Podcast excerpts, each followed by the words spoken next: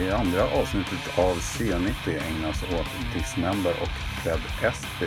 45-årig trummis, låtskrivare, ljudtekniker och producent. Fred var med och startade Dismember som eh, kom bli ett av de största och mest inflytelserika banden på den svenska death metal-scenen.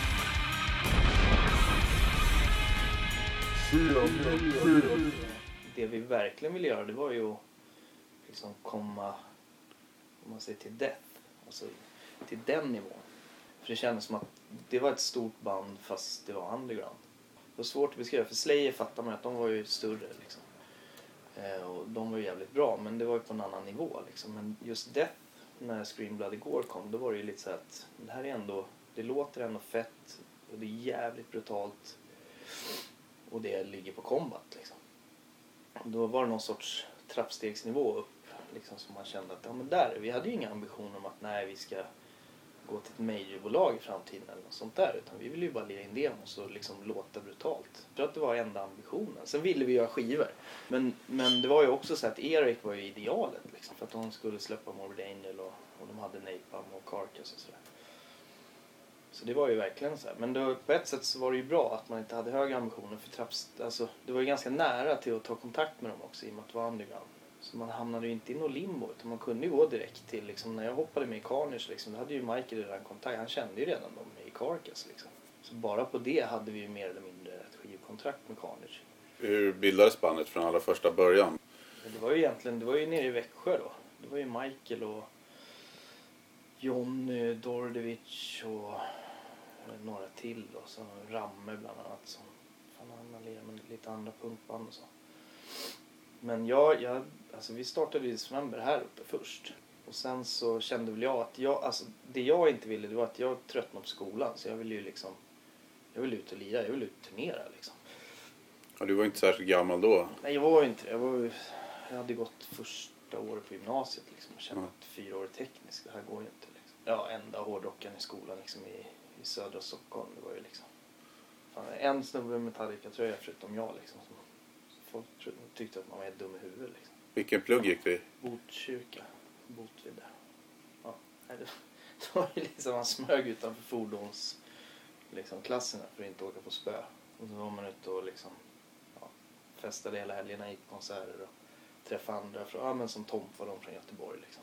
Det var ju superviktigt för att man skulle orka liksom, vardagen, men sen ja, det gick ju inte. Men grejen var ju så att när jag, jag spelade med David och Robban i Dismember, de var ett år yngre och då var ju det ganska stor skillnad.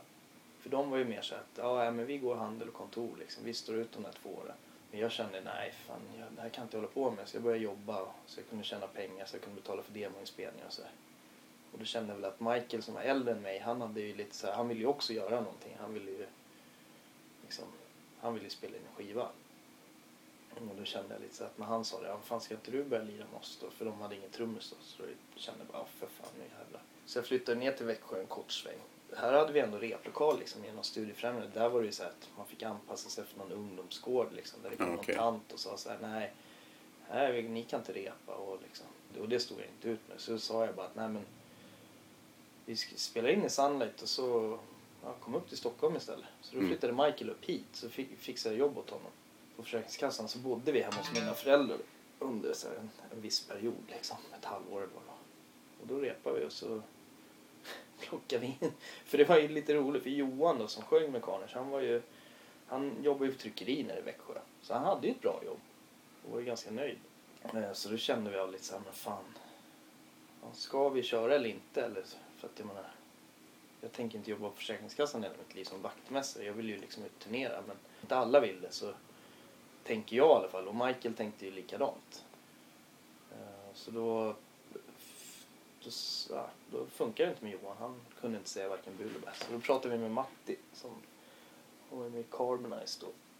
Eh, Så sa vi bara det, ska du inte vara med liksom? Vi ska göra en platta liksom. Vi har fått skivkontrakt med underlabel till Erik. Så han bara visst. Och samma sak med David då. Han var ju med i, i en ton en kort stund och spelade bas och det ville han egentligen inte göra.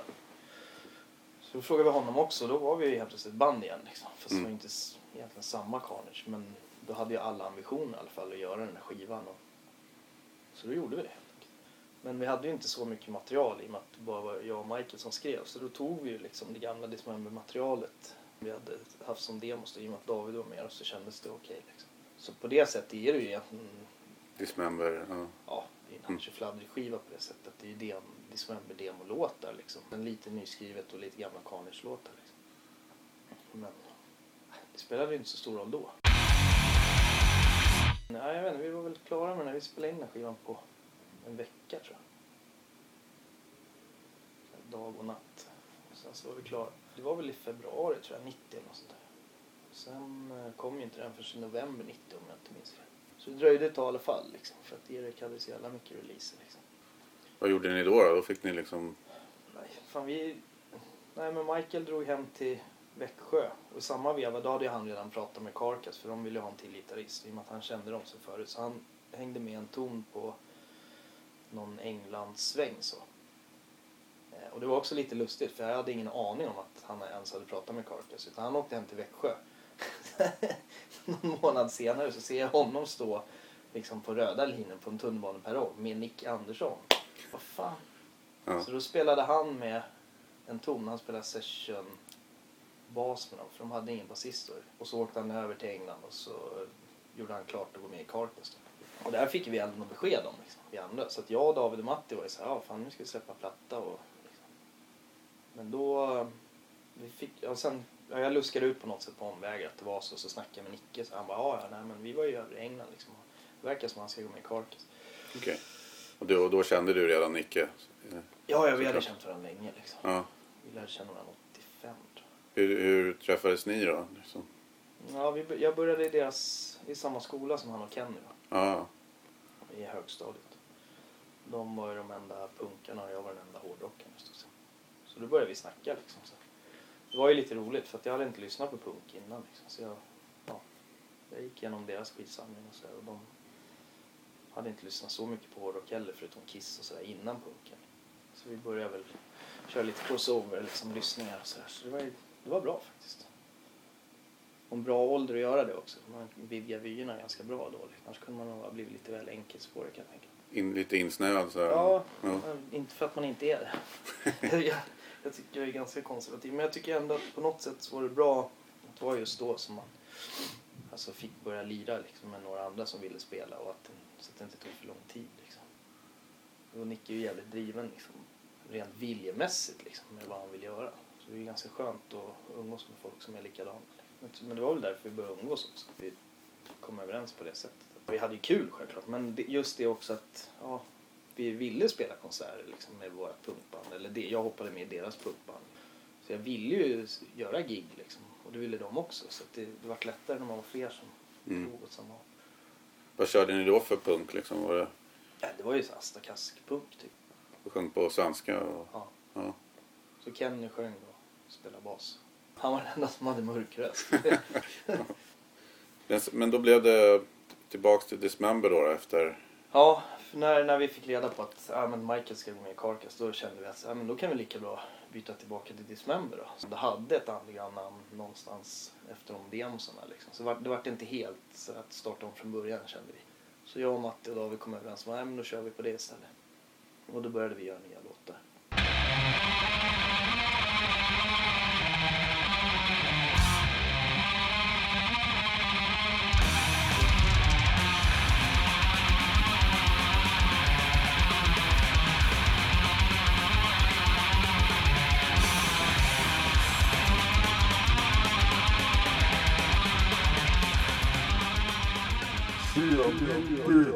det ju ganska snabbt eh, tidsmässigt till, till första plattan då. Ja, vi började hårdrepa liksom, bara skrev musik. Vi repade hela tiden.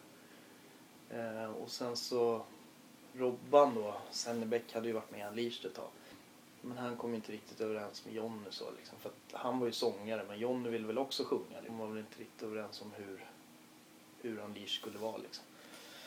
Så då pratade pratade med Robban, lite så här Carnage-upplägget igen liksom. Bara, "Ah, ska du inte börja med oss istället? Och så, och så kände han väl för det. Och sen eh, plockade vi in Rickard då på bas. Han, Matte kände jag honom sen gammalt. Vi kände honom också lite grann och så där.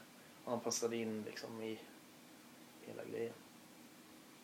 Och då, men då, då hade vi det mesta redan färdigskrivet när de kom med till första skivan. Liksom. Så det var de sista låtarna vi skrev tillsammans med dem. Så det som jag idag kan tycka är lite så här shit vad fort det gick. Vi gjorde Carnage-plattan i februari. I juni eller juli samma sommar så spelade vi in den här tre låtars demon då.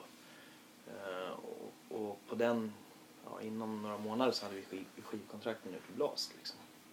Och fick ut någon av demolåtarna på någon samlingsskiva liksom. Och i mars 91 så var vi inne i studion och spelade in en fullängdare. Så där gick det ju jättefort egentligen. Men då repade vi ju så här fyra, fem dagar i veckan kanske. Väldigt disciplin liksom. Ja, ja absolut. Mm. Och en jävla vilja liksom och verkligen hade mycket idéer liksom. Men det är klart, fan, man gjorde ju ingenting annat. Man repade ju bara. Det var Ja. bara det man tyckte var kul. Man gick och jobbade liksom. Ja, men då jobbade jag som brevbärare tror jag. Så jag började jobba sex och slutade halv två. Och sen var det bara replokalen till klockan nio på kvällen. För man, det, det är ju en ganska tydlig scen där med, med Grave och Unleashed och, Mm. och, och er och en tom där. Ja, ja. Hur var ert för, förhållandet där? Ni kände varandra? I och med att Gray bodde på Gotland så var det lite så här, där var det tape trading. Och sen kom ju de hit ganska ofta. Och det vart ju mer och mer liksom. För det var väl för dem också som var i Växjö kan jag tänka mig att det är jävligt, jävligt segt liksom. Men Unleashed då, så här, jag menar det var ju konserter nästan varje helg och var det inte konserter då hängde man ju och liksom drack sprit någonstans. Och Treblinka var ju, var, hängde vi mycket med också, ute i Täby var vi mycket. Så det var ju Ja, det var, man repade alla veckodagar och sen så var man ute och festade och tape-tradade och liksom lyssnade på nya demos och skivor med polarna på helgerna. Så var det liksom varje vecka. Så det var mer liksom, det var en positiv konkurrens kan man säga liksom. Ja, ja, absolut. banden framåt. Ja. Absolut. Ja. Och jag tror att, och det, det har du helt rätt i när du säger att det var ju en viss konkurrens. Men det var Ja. inte så att alla gick ju på varandras konserter och stöttade varandra. Men Ja. det var ändå det här att man pushade på varandra genom att man själv gjorde en ny låt. Och då fick alla höra den direkt och vart så fan vad det där var bra, nu ska jag göra den ännu bättre. Så den aspekten var ju faktiskt ganska bra. Man triggar ju varandra ganska hårt liksom. Även eh, internationellt sett så blev det ju ganska tidigt ett, ett eh, vad ska man säga, ett fenomen med Stockholm Death. Liksom. Ja, precis. Som varade några år i alla fall. Men det var nog, jag tror inte vi var så medvetna om det då. Det var först liksom efter att de första skivorna kom som man tyckte att Ja. man verkligen kom ut och åkte ut och lira. Och det var, man fick förbandsturné till Morbid och sånt där. Då märkte man att när det kom mycket folk på de giggen, då förstod man att ja, nu är det liksom, jag tror det var 92 som verkligen så här, polletten ramlade ner. Att shit, när en tom Carcass och, och Confessor va?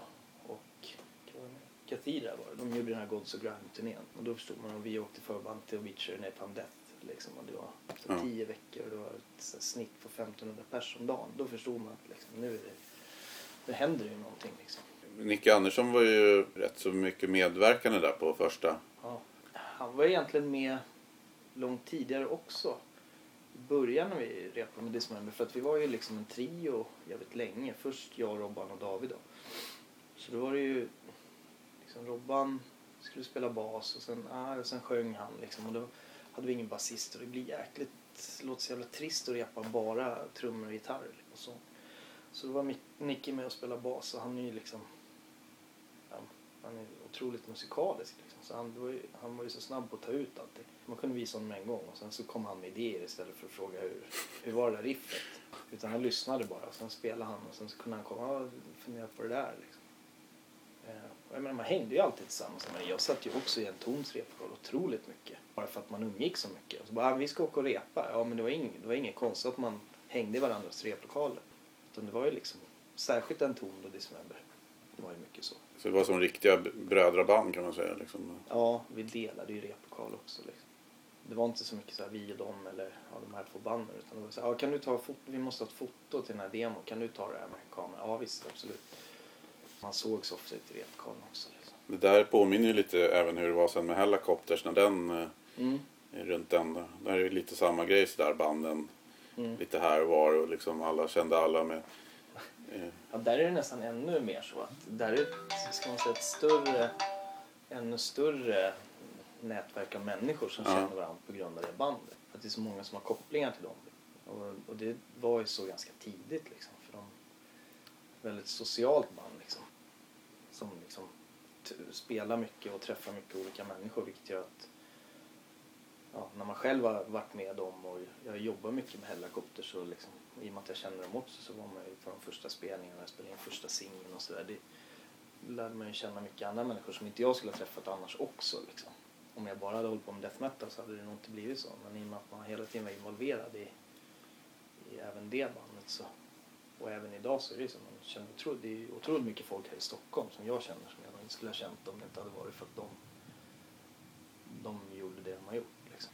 Men där ser man ju lite, som du säger, just det här att ni, ni tidigt började lyssna på punk och ni hade liksom en mer eh, med Kiss och det i botten och så Mm. liksom att, att medan mitt intryck så här, annars kanske med death, många death metal och den när det är extremare att de är ganska snäva ramar liksom Mm. för det de tar in och det de överhuvudtaget liksom eh, där finns det ju också lite likhet mellan dig och Nicke och det här att det Ja. liksom Jo men det är sant. Det, det, men, men om man tänker så här, ta Nicke och jag, vi lyssnade båda på Kiss när vi var liksom riktigt små. Och sen växer ifrån det och sen så händer nya grejer och sen så kommer man tillbaks till det. Men även så personer som, eh, ja, som Rickard Cabeza, det var ju precis samma sak. Han Mm. älskade ju Kiss liksom. Eh, så där är det också lite roligt att han, han är också väldigt så här, men han gillar ju mycket extrem metal och mer black metal än vad jag gillar och så. Men han har ju, han är också otroligt bred i sin musiksmak och tar in mycket liksom. Så jag tror att många, många i bekantskapskretsen var nog så liksom. Och jag menar Johnny Hedlund också, han innan han gick med i Nihilis där då hängde han mest med punkare. Liksom. Han var den enda så här, hårdrockaren men han hade ju jättemycket punkpolare som spelade hardcore och, och punk och hängde på Ultrahuset liksom. Så det, det kanske var lite mer så då. Även om jag tror att det är många ungdomar som lyssnar på mycket olika musik idag så var det lite mer så att man fick ju söka upp och när man inte sökte upp så var det så att man blev ganska hårt påverkad om man inte hade lyckats hitta sådana som gillade hårdrock. Ja, men då kanske man hängde med punkarna istället för att hänga med liksom Sven Banan-snubbarna. Liksom. Ja. Jag, menar, jag spelade hockey och fotboll och så här, men jag umgicks ju inte så mycket med dem, de människorna för att de var inte in, alltså, intresserade av musik på det sättet. Det betyder, jag kände väl någonstans när jag var 10-11 att nej, fan, det, det betyder jävligt mycket för mig med musik men det gör inte de här snubbarna. Och då hade man kanske två kompisar som verkligen älskade musik. Så att, eh, jag tror att det är ganska mycket det också.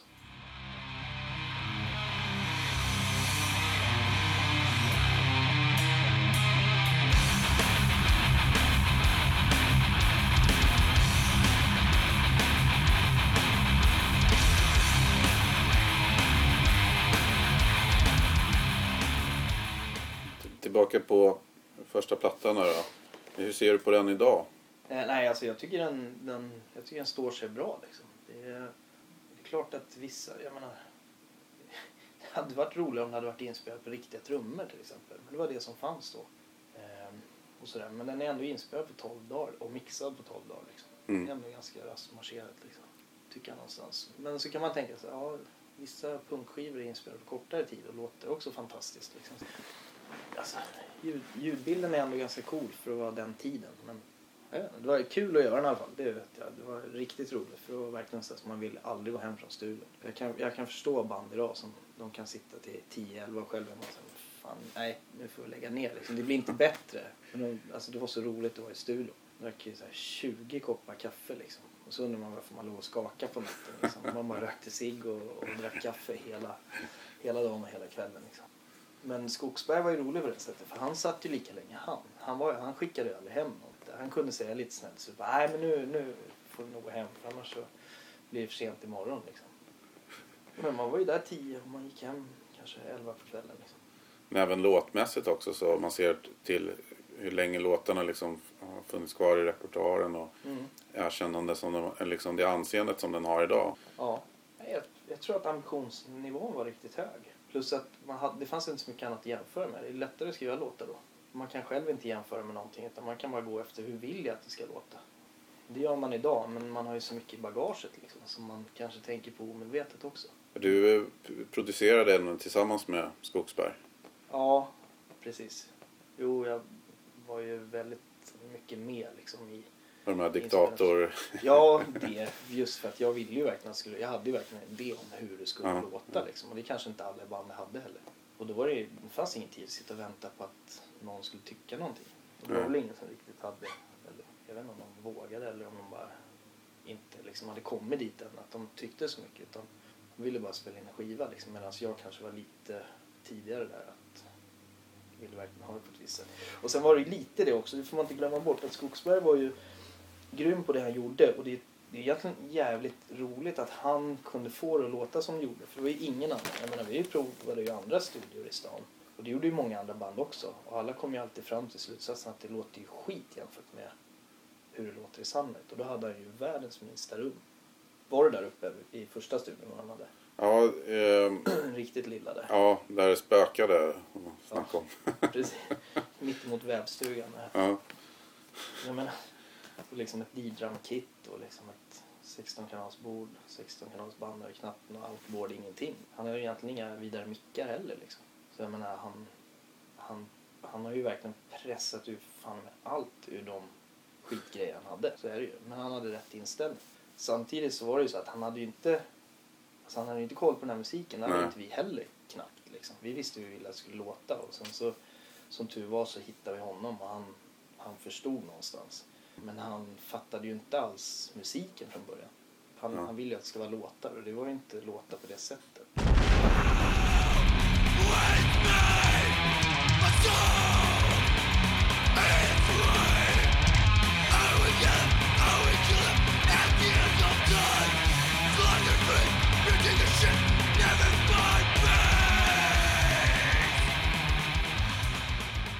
Det var väl där lite man kände både alltså jag och Nicke och kanske andra också spelade in att man var ju tvungen att verkligen vara så här att nej, här ska det vara si, här ska det vara så. Och han var ju med på noterna då. Men om man bara släppte det, då kanske det inte hade blivit lika bra. medialt blev det ju uppmärksammat också med eh, från första skivan där med rättegången här med hela historien i England. Där. Just det. Hur upplevde ni det? Liksom? Ja, först, för, först så kändes det märkligt för att det var ju, det var svårt att veta vad det gällde.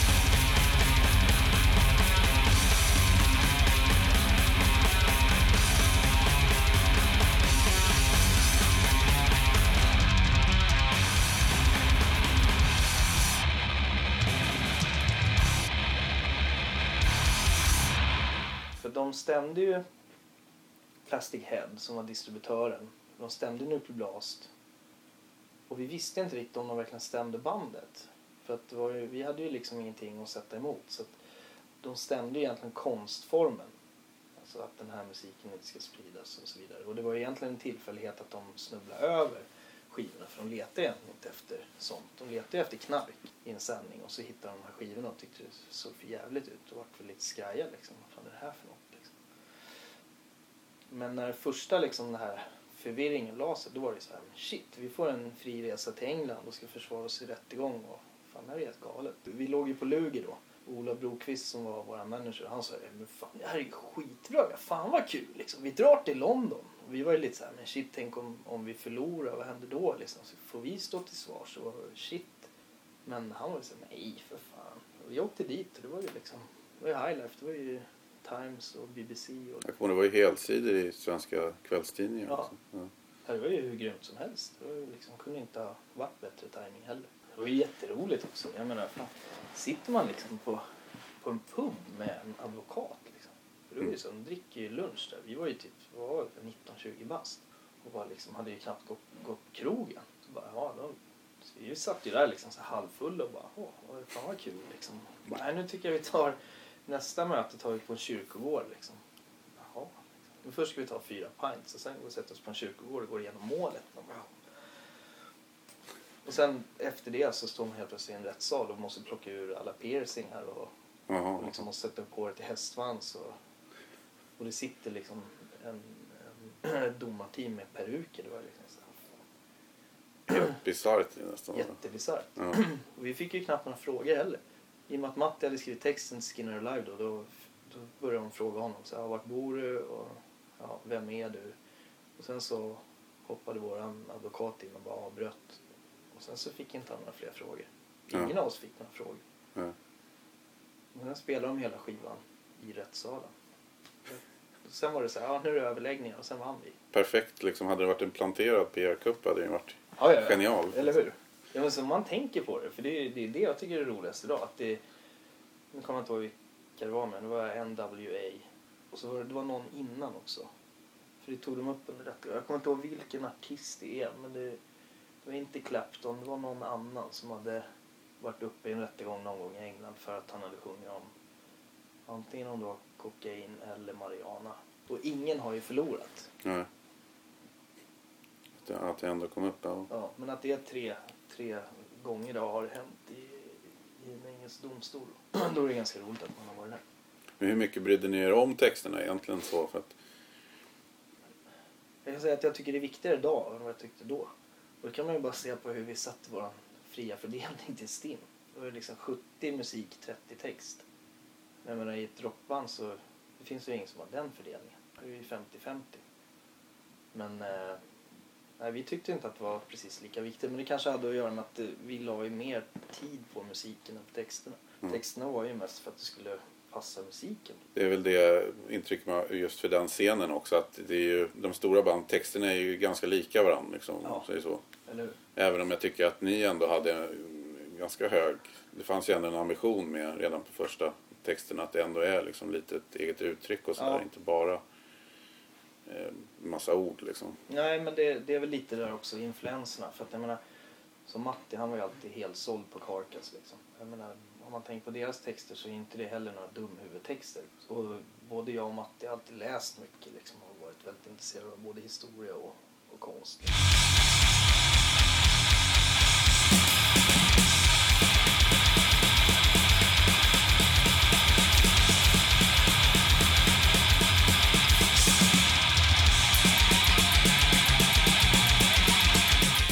Säga att det var två, tre år där som det liksom måste ha flyttat på ganska bra då i, med hela scenen. Och, Mm. Ja, vi turnerade ju järnet liksom. Både i Europa och USA. Så, så det var ju, nej det var bra. Bra turnéer också. Det var mycket folk och det var inga riktiga bottennapp liksom. Det var ju först 96 det började liksom.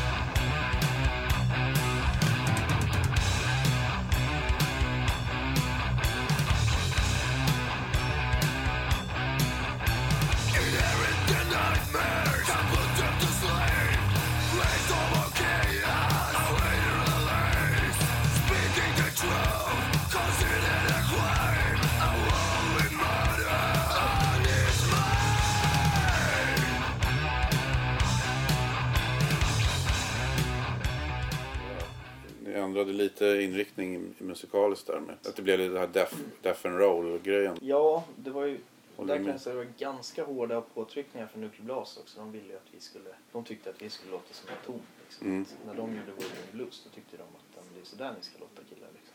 Det var inte det vi ville men samtidigt så kände vi väl att vi vi började väl mer och mer också känna att ja, fan, plocka in element från liksom Priest och Maiden på riktigt liksom, skulle kunna passa oss ganska bra. Bara för att komma vidare liksom, så att vi inte stagnerar. För vi, ganska tidigt så började vi känna också att många av de här dussinbanden kändes ganska trista. Liksom. Man ville inte riktigt, vi ville i alla fall inte, vi ville ju på något sätt stå utanför genren. Liksom. Vi ville ändå stå själva som band på något sätt. Så det var väl därför vi började plocka in det också.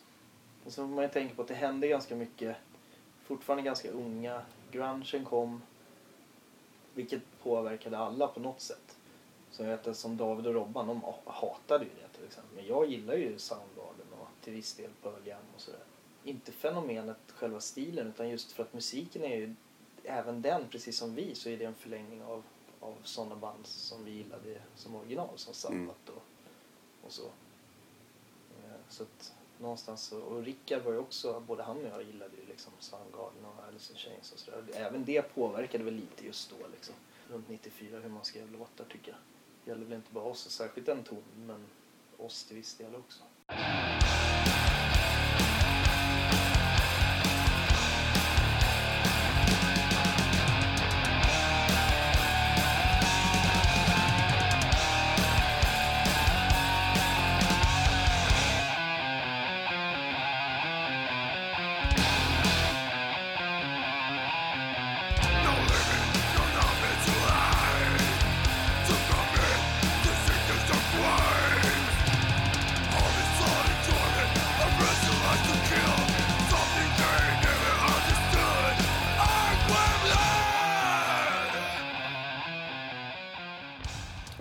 Fortsatte ju ännu mer på den. Ja, Med precis. nästa skiva blev ju ännu mer rock'n'roll eller vad man ska Ja. säga. Liksom.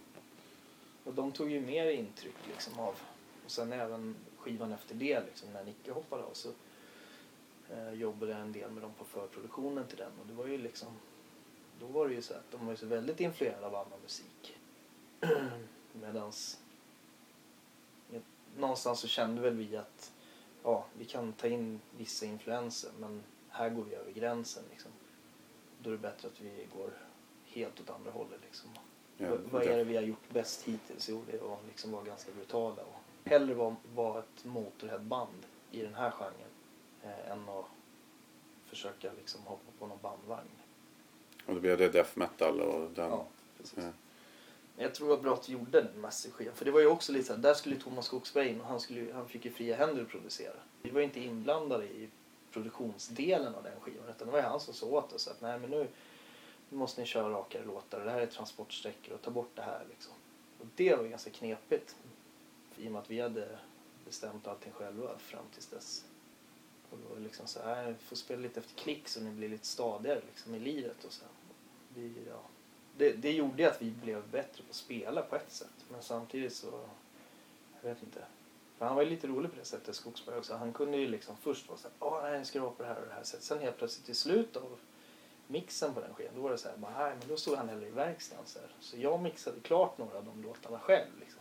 Det var ungefär som han tappade intresset när de låtarna han tyckte var som bäst, de, de var bra. Men sen de andra låtarna var såhär, ja, ja men kör på bara, det blir nog bra. Ni gav ju ut ändå två, tre skivor till sen innan du hoppade av Mm. efter där. Och det, där höll det sig väl ungefär inom samma musikaliska Ja, det gjorde det. ramar. Ja. Vi kände väl att det... Ja, ja, vi hade hittat våran stil och kände väl att här, vi ska väl aldrig frångå den. Liksom. Det känns Ja. bara dumt. Hur gick det rent liksom, karriärsmässigt och så liksom för er?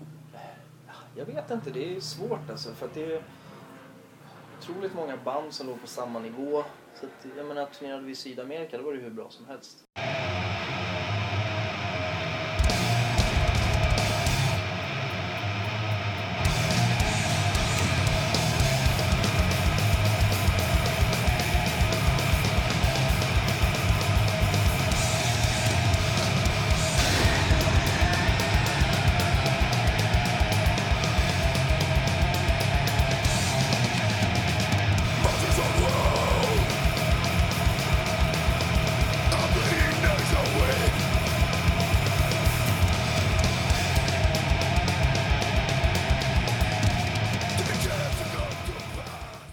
Tyskland där man hade spelat väldigt mycket, då, där, där och i övriga Europa så blir det ju lite så att folk är så att ja men när man spelar så länge som vi har gjort då blir det ungefär som att ja, men det är som en jävla, det är som en möbel, man vet att den finns där. De där de kommer ju aldrig att ändra på sig och det är skitbra. För jag vill inte att de ska ändra på sig. Eh, Men samtidigt så, ja men det är många konserter den här veckan. Och de Mm. kan jag ju se om ett år igen. Det var Mm. lite så vi började känna också att fan. Och vi liksom turnerade ju jättemycket där. Så 2002 och framåt då började vi turnera järnet liksom. Och tog hand om allting själva. Så vi skötte ju all, all bokning och allting sånt själva också. Så det var ju, på ett sätt var det bra för det var ett heltidsjobb. Men det var ju jävligt slitigt också. Och sen när man känner att fan, ja, men om man snittar 150 pers. Och det kan man ju se idag, det är ju inte dåligt. Men Mm. samtidigt när det inte blir mer och mer heller. Liksom. Eller att man håller sig på en lite högre nivå. Då vore det ju skönare att turnera runt varje år och det är 500 pers i snitt. Då är man ju ganska safe. Men när det är så pass lite då blir det så här... Alltså vi landade väl någonstans och insåg att vi tar tag i det här själva, vi gör allting själva. Och då är det på den här nivån. Men om vi gör så här nu, då kan vi leva på det och då får vi ut de här pengarna. Då vet vi det. Sen fick vi ju ändå liksom jaga promotorer och liksom, ja, mycket sånt också. Det är ju på en lite högre nivå, har mer folk, men det är ändå mycket som inte funkar, vilket är ganska ofattbart när man är på en högre nivå. Liksom. Så jag menar, det är ju, alltså, men jag tror att det händer väl ganska, det kan ju hända på alla nivåer kan jag tänka mig, men det, är, det blir ju olika påverkningsgrad av det man gör. Men när man är på en så låg nivå som vi var, då blir det också så att om, om en spelning blir inställd, då går det åt helvete. Det går ju liksom inte. Det finns inga marginaler att ta ifrån. Liksom. Så då blir det ju liksom, man blir ganska så, så här, hård också. Men det som var bra, det var att vi blev otroligt sammansvetsade. som, som grupp också. Mm. Otroligt trevliga mot fans och liksom hade verk, kände verkligen ansvaret att liksom, vi ska prata med alla, vi säljer våra tröjor själva, vi ska ta oss tid för alla, vi tar alla intervjuer där det inte är något trams bara. Men alltså Mm. seriösa intervjuer och eh, men, och, men liksom om folk inte kan sköta sig på bussen, på våran buss som är förband och så vidare, då kan de dra. Liksom. Så vi har ju liksom försökt uppfostra ganska många som inte har någon koll. För det, är- det är också lite att många har ju inte den sociala kollen. Det, men det tog vi oss lite, vi tog ansvaret att uppfostra folk. Och det, så länge folk fattade det, då funkar det. Men när de inte fattade, då, då gick det lite som det gick. Men, ja, men man står inte ut annars. Du kan inte sova på en buss. Jag menar, vi sitter, vi, alltså, sista åren, det var inte så att vi satt och söp varandra. Det gick ju inte. Men så kommer du på ett band, liksom 22-åringar från Holland liksom, som bara ja, Spyr ner tar sig. tjack och liksom super hela natten och sitter och röker så hela bussen är helt rökfylld. Liksom. David har aldrig druckit en droppe. Liksom. Det kan ju vara ganska skönt om man får sova någon gång också. Så det var ju många gånger som man fick liksom, fan. Men det var nog enda gångerna som jag tror att vi inte kom överens folk. För annars har vi, har vi faktiskt klarat oss ganska bra. Annars är det bara promotorer som vi har liksom haft problem med som vi har blivit förbannade på. Ja, det har väl varit en del skit där liksom med olika... ja, folk som har ställt in turnéer mitt i liksom och såna grejer. Så det, fan, nu har jag ju åkt med helikopters också och det har varit jättemycket folk men det är ändå en promotor som liksom tycker att ja, men, ä, ska ni äta grabbar? Det är bättre att ni är här, jag har lite cola här, ska ni inte köpa det istället och skita i att äta så blir allting bra ungefär. Man bara, Här åker vi i full produktion och liksom tycker att vi ska skita i att äta. Liksom. Vad är det?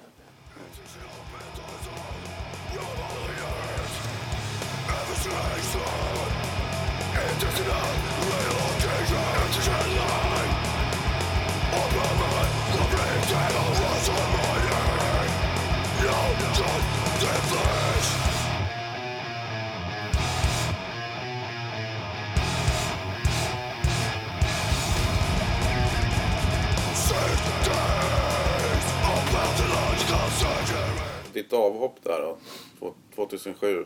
Mm. Var det att du tröttnade på att turnera eller?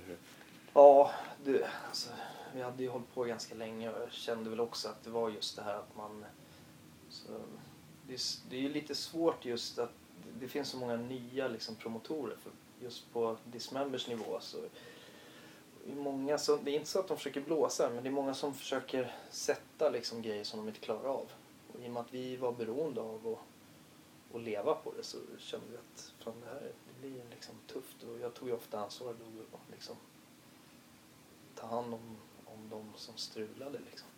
Så jag kände väl att någonstans när vi var i USA att liksom, jag sitter och har fått påskrivna kontrakt liksom, för varje spelning och får liksom sitta med handen på telefonluren för eh, en ganska stor konsertklubbskedja liksom. För att de har inte pengar att betala bandet. Och jag liksom hotar med att ringa polisen. Jag Mm. sitter med kontraktet i handen. Och det slutar med att hon begär då av sin personal att de går runt i alla kassor runt om i hela klubben och hämtar in all växel för att kunna betala oss. Och jag sitter med en kasse liksom, med quarters liksom, som jag måste gå och växla för att få ihop det sista av gaget och känner lite så här, vad fan gör jag här alltså? Det, det blir liksom ohållbart. Då kan man ju... Det finns andra saker man kan göra istället för Var det liksom droppen på något sätt? eh? Ja, jag kände lite det. Och då blir, då blir, det blir ganska slitigt också liksom. Internt. Och man vill ju inte vara... Man vill ju inte att det ska bli så att... Ja, men, jag känner inte att det är okej att sitta och ha det så. Och de flesta i bandet känner det. Men sen kanske någon tycker att vi måste bara ta oss igenom det här. Och då, då är man inte riktigt på samma nivå längre. Och sen om du har familj och så så måste det ju varit Ja. svårt att... Precis. Och det är det också att då hade, det var jag och Matti som hade barn då. Och liksom, det är ganska tufft att vara borta. Och när Mm. man då sitter och har det sådär. Man vet att det är tufft för familjen hemma att man är borta. Och man sitter där och får knappt ihop pengarna man har åkt iväg för att tjäna. Då känns det lite så att ja, det här går ju liksom inte. Och är det så att verkligen alla i bandet kommer att fortsätta göra samma sak när de skaffar barn, det är inte säkert. För att ofta är det ju så att när folk skaffar barn så blir det så här, men fan nu kan jag inte hålla på så här. Och det är fullt förståeligt. Det är bara det att jag fick barn tidigt, jag var ju bara 21. Så jag fortsatte ju turnera ganska mycket liksom under alla år. Så jag har ju tappat ganska mycket tid med, med, med mina barn på Mm. grund av det liksom. Och då blir man ju nästan lite bitter när man känner att nej, undrar om alla verkligen skulle göra samma sak i det här bandet. För det första rannsakar man sig själv och kanske har tagit fel beslut. Och för andra så känns det som att är man inte på samma nivå då är det kanske inte så bra att man gör det tillsammans heller. Det är inte förrän man själv har barn som man kan sitta i samma läge och, och säga liksom att det här funkar eller det här funkar inte. Men om du bara var 21 så måste du ju verkligen ha liksom... Det är ju...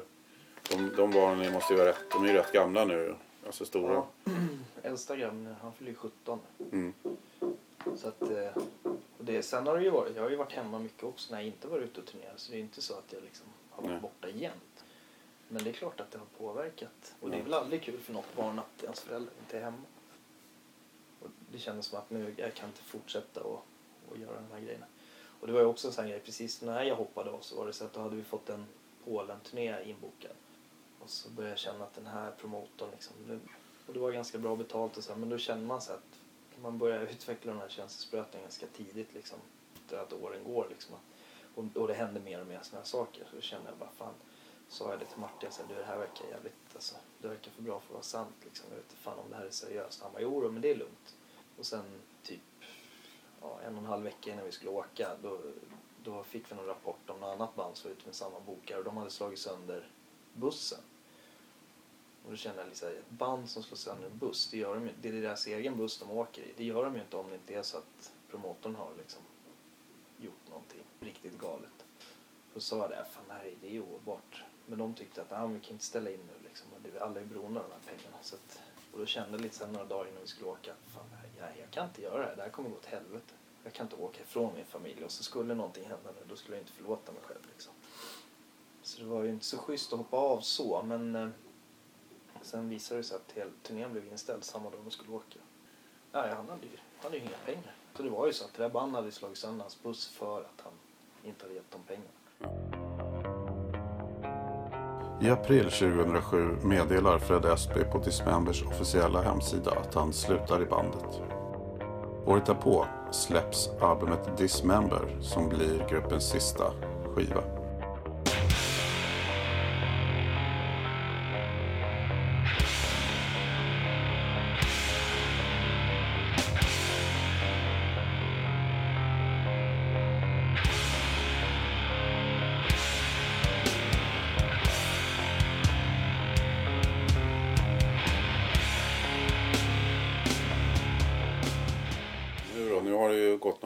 Ha där. Hur ser du på hela Dismember liksom? Tiden? Nej, det har ju varit grymt. Det har ju varit skitkul och jag har lärt mig mycket på det. Eh, och jag har ju fått kompisar för livet liksom. Så att, så att, nej, jag känner bara att det är skitkul och det här 20-årsjubileumsgiget vi gjorde var ju liksom, det var ju skitkul verkligen. Jag är verkligen glad att vi fick ihop det att vi verkligen för det var ju, bara det var ju också ett jävla slit liksom. För det var ju, det var inte så enkelt heller liksom. Ihop det och Rickards glid från USA hit och dit. Så det, Ja, vi fick ihop det. Det vart en jävligt bra kväll. Så det känns som en bra avslutning på hela den eran. Alltså. Det, det, verkar ju ändå som att ni, ni, det fanns inga hard feelings liksom. Nej, nej, nej. Nej. Absolut inte. Nej, men det, var, det gjorde det inte efter att jag hoppade av heller. De vart ju knäckta när jag hoppade av. Men sen gick den här turnén åt helvete och sen hade vi ett möte hemma hos mig. Liksom, där vi bara snackade om allting och redde ut allt. Och så, hur, hur ska det bli sen och så vidare. Så det, var ju, det var aldrig några konstigheter.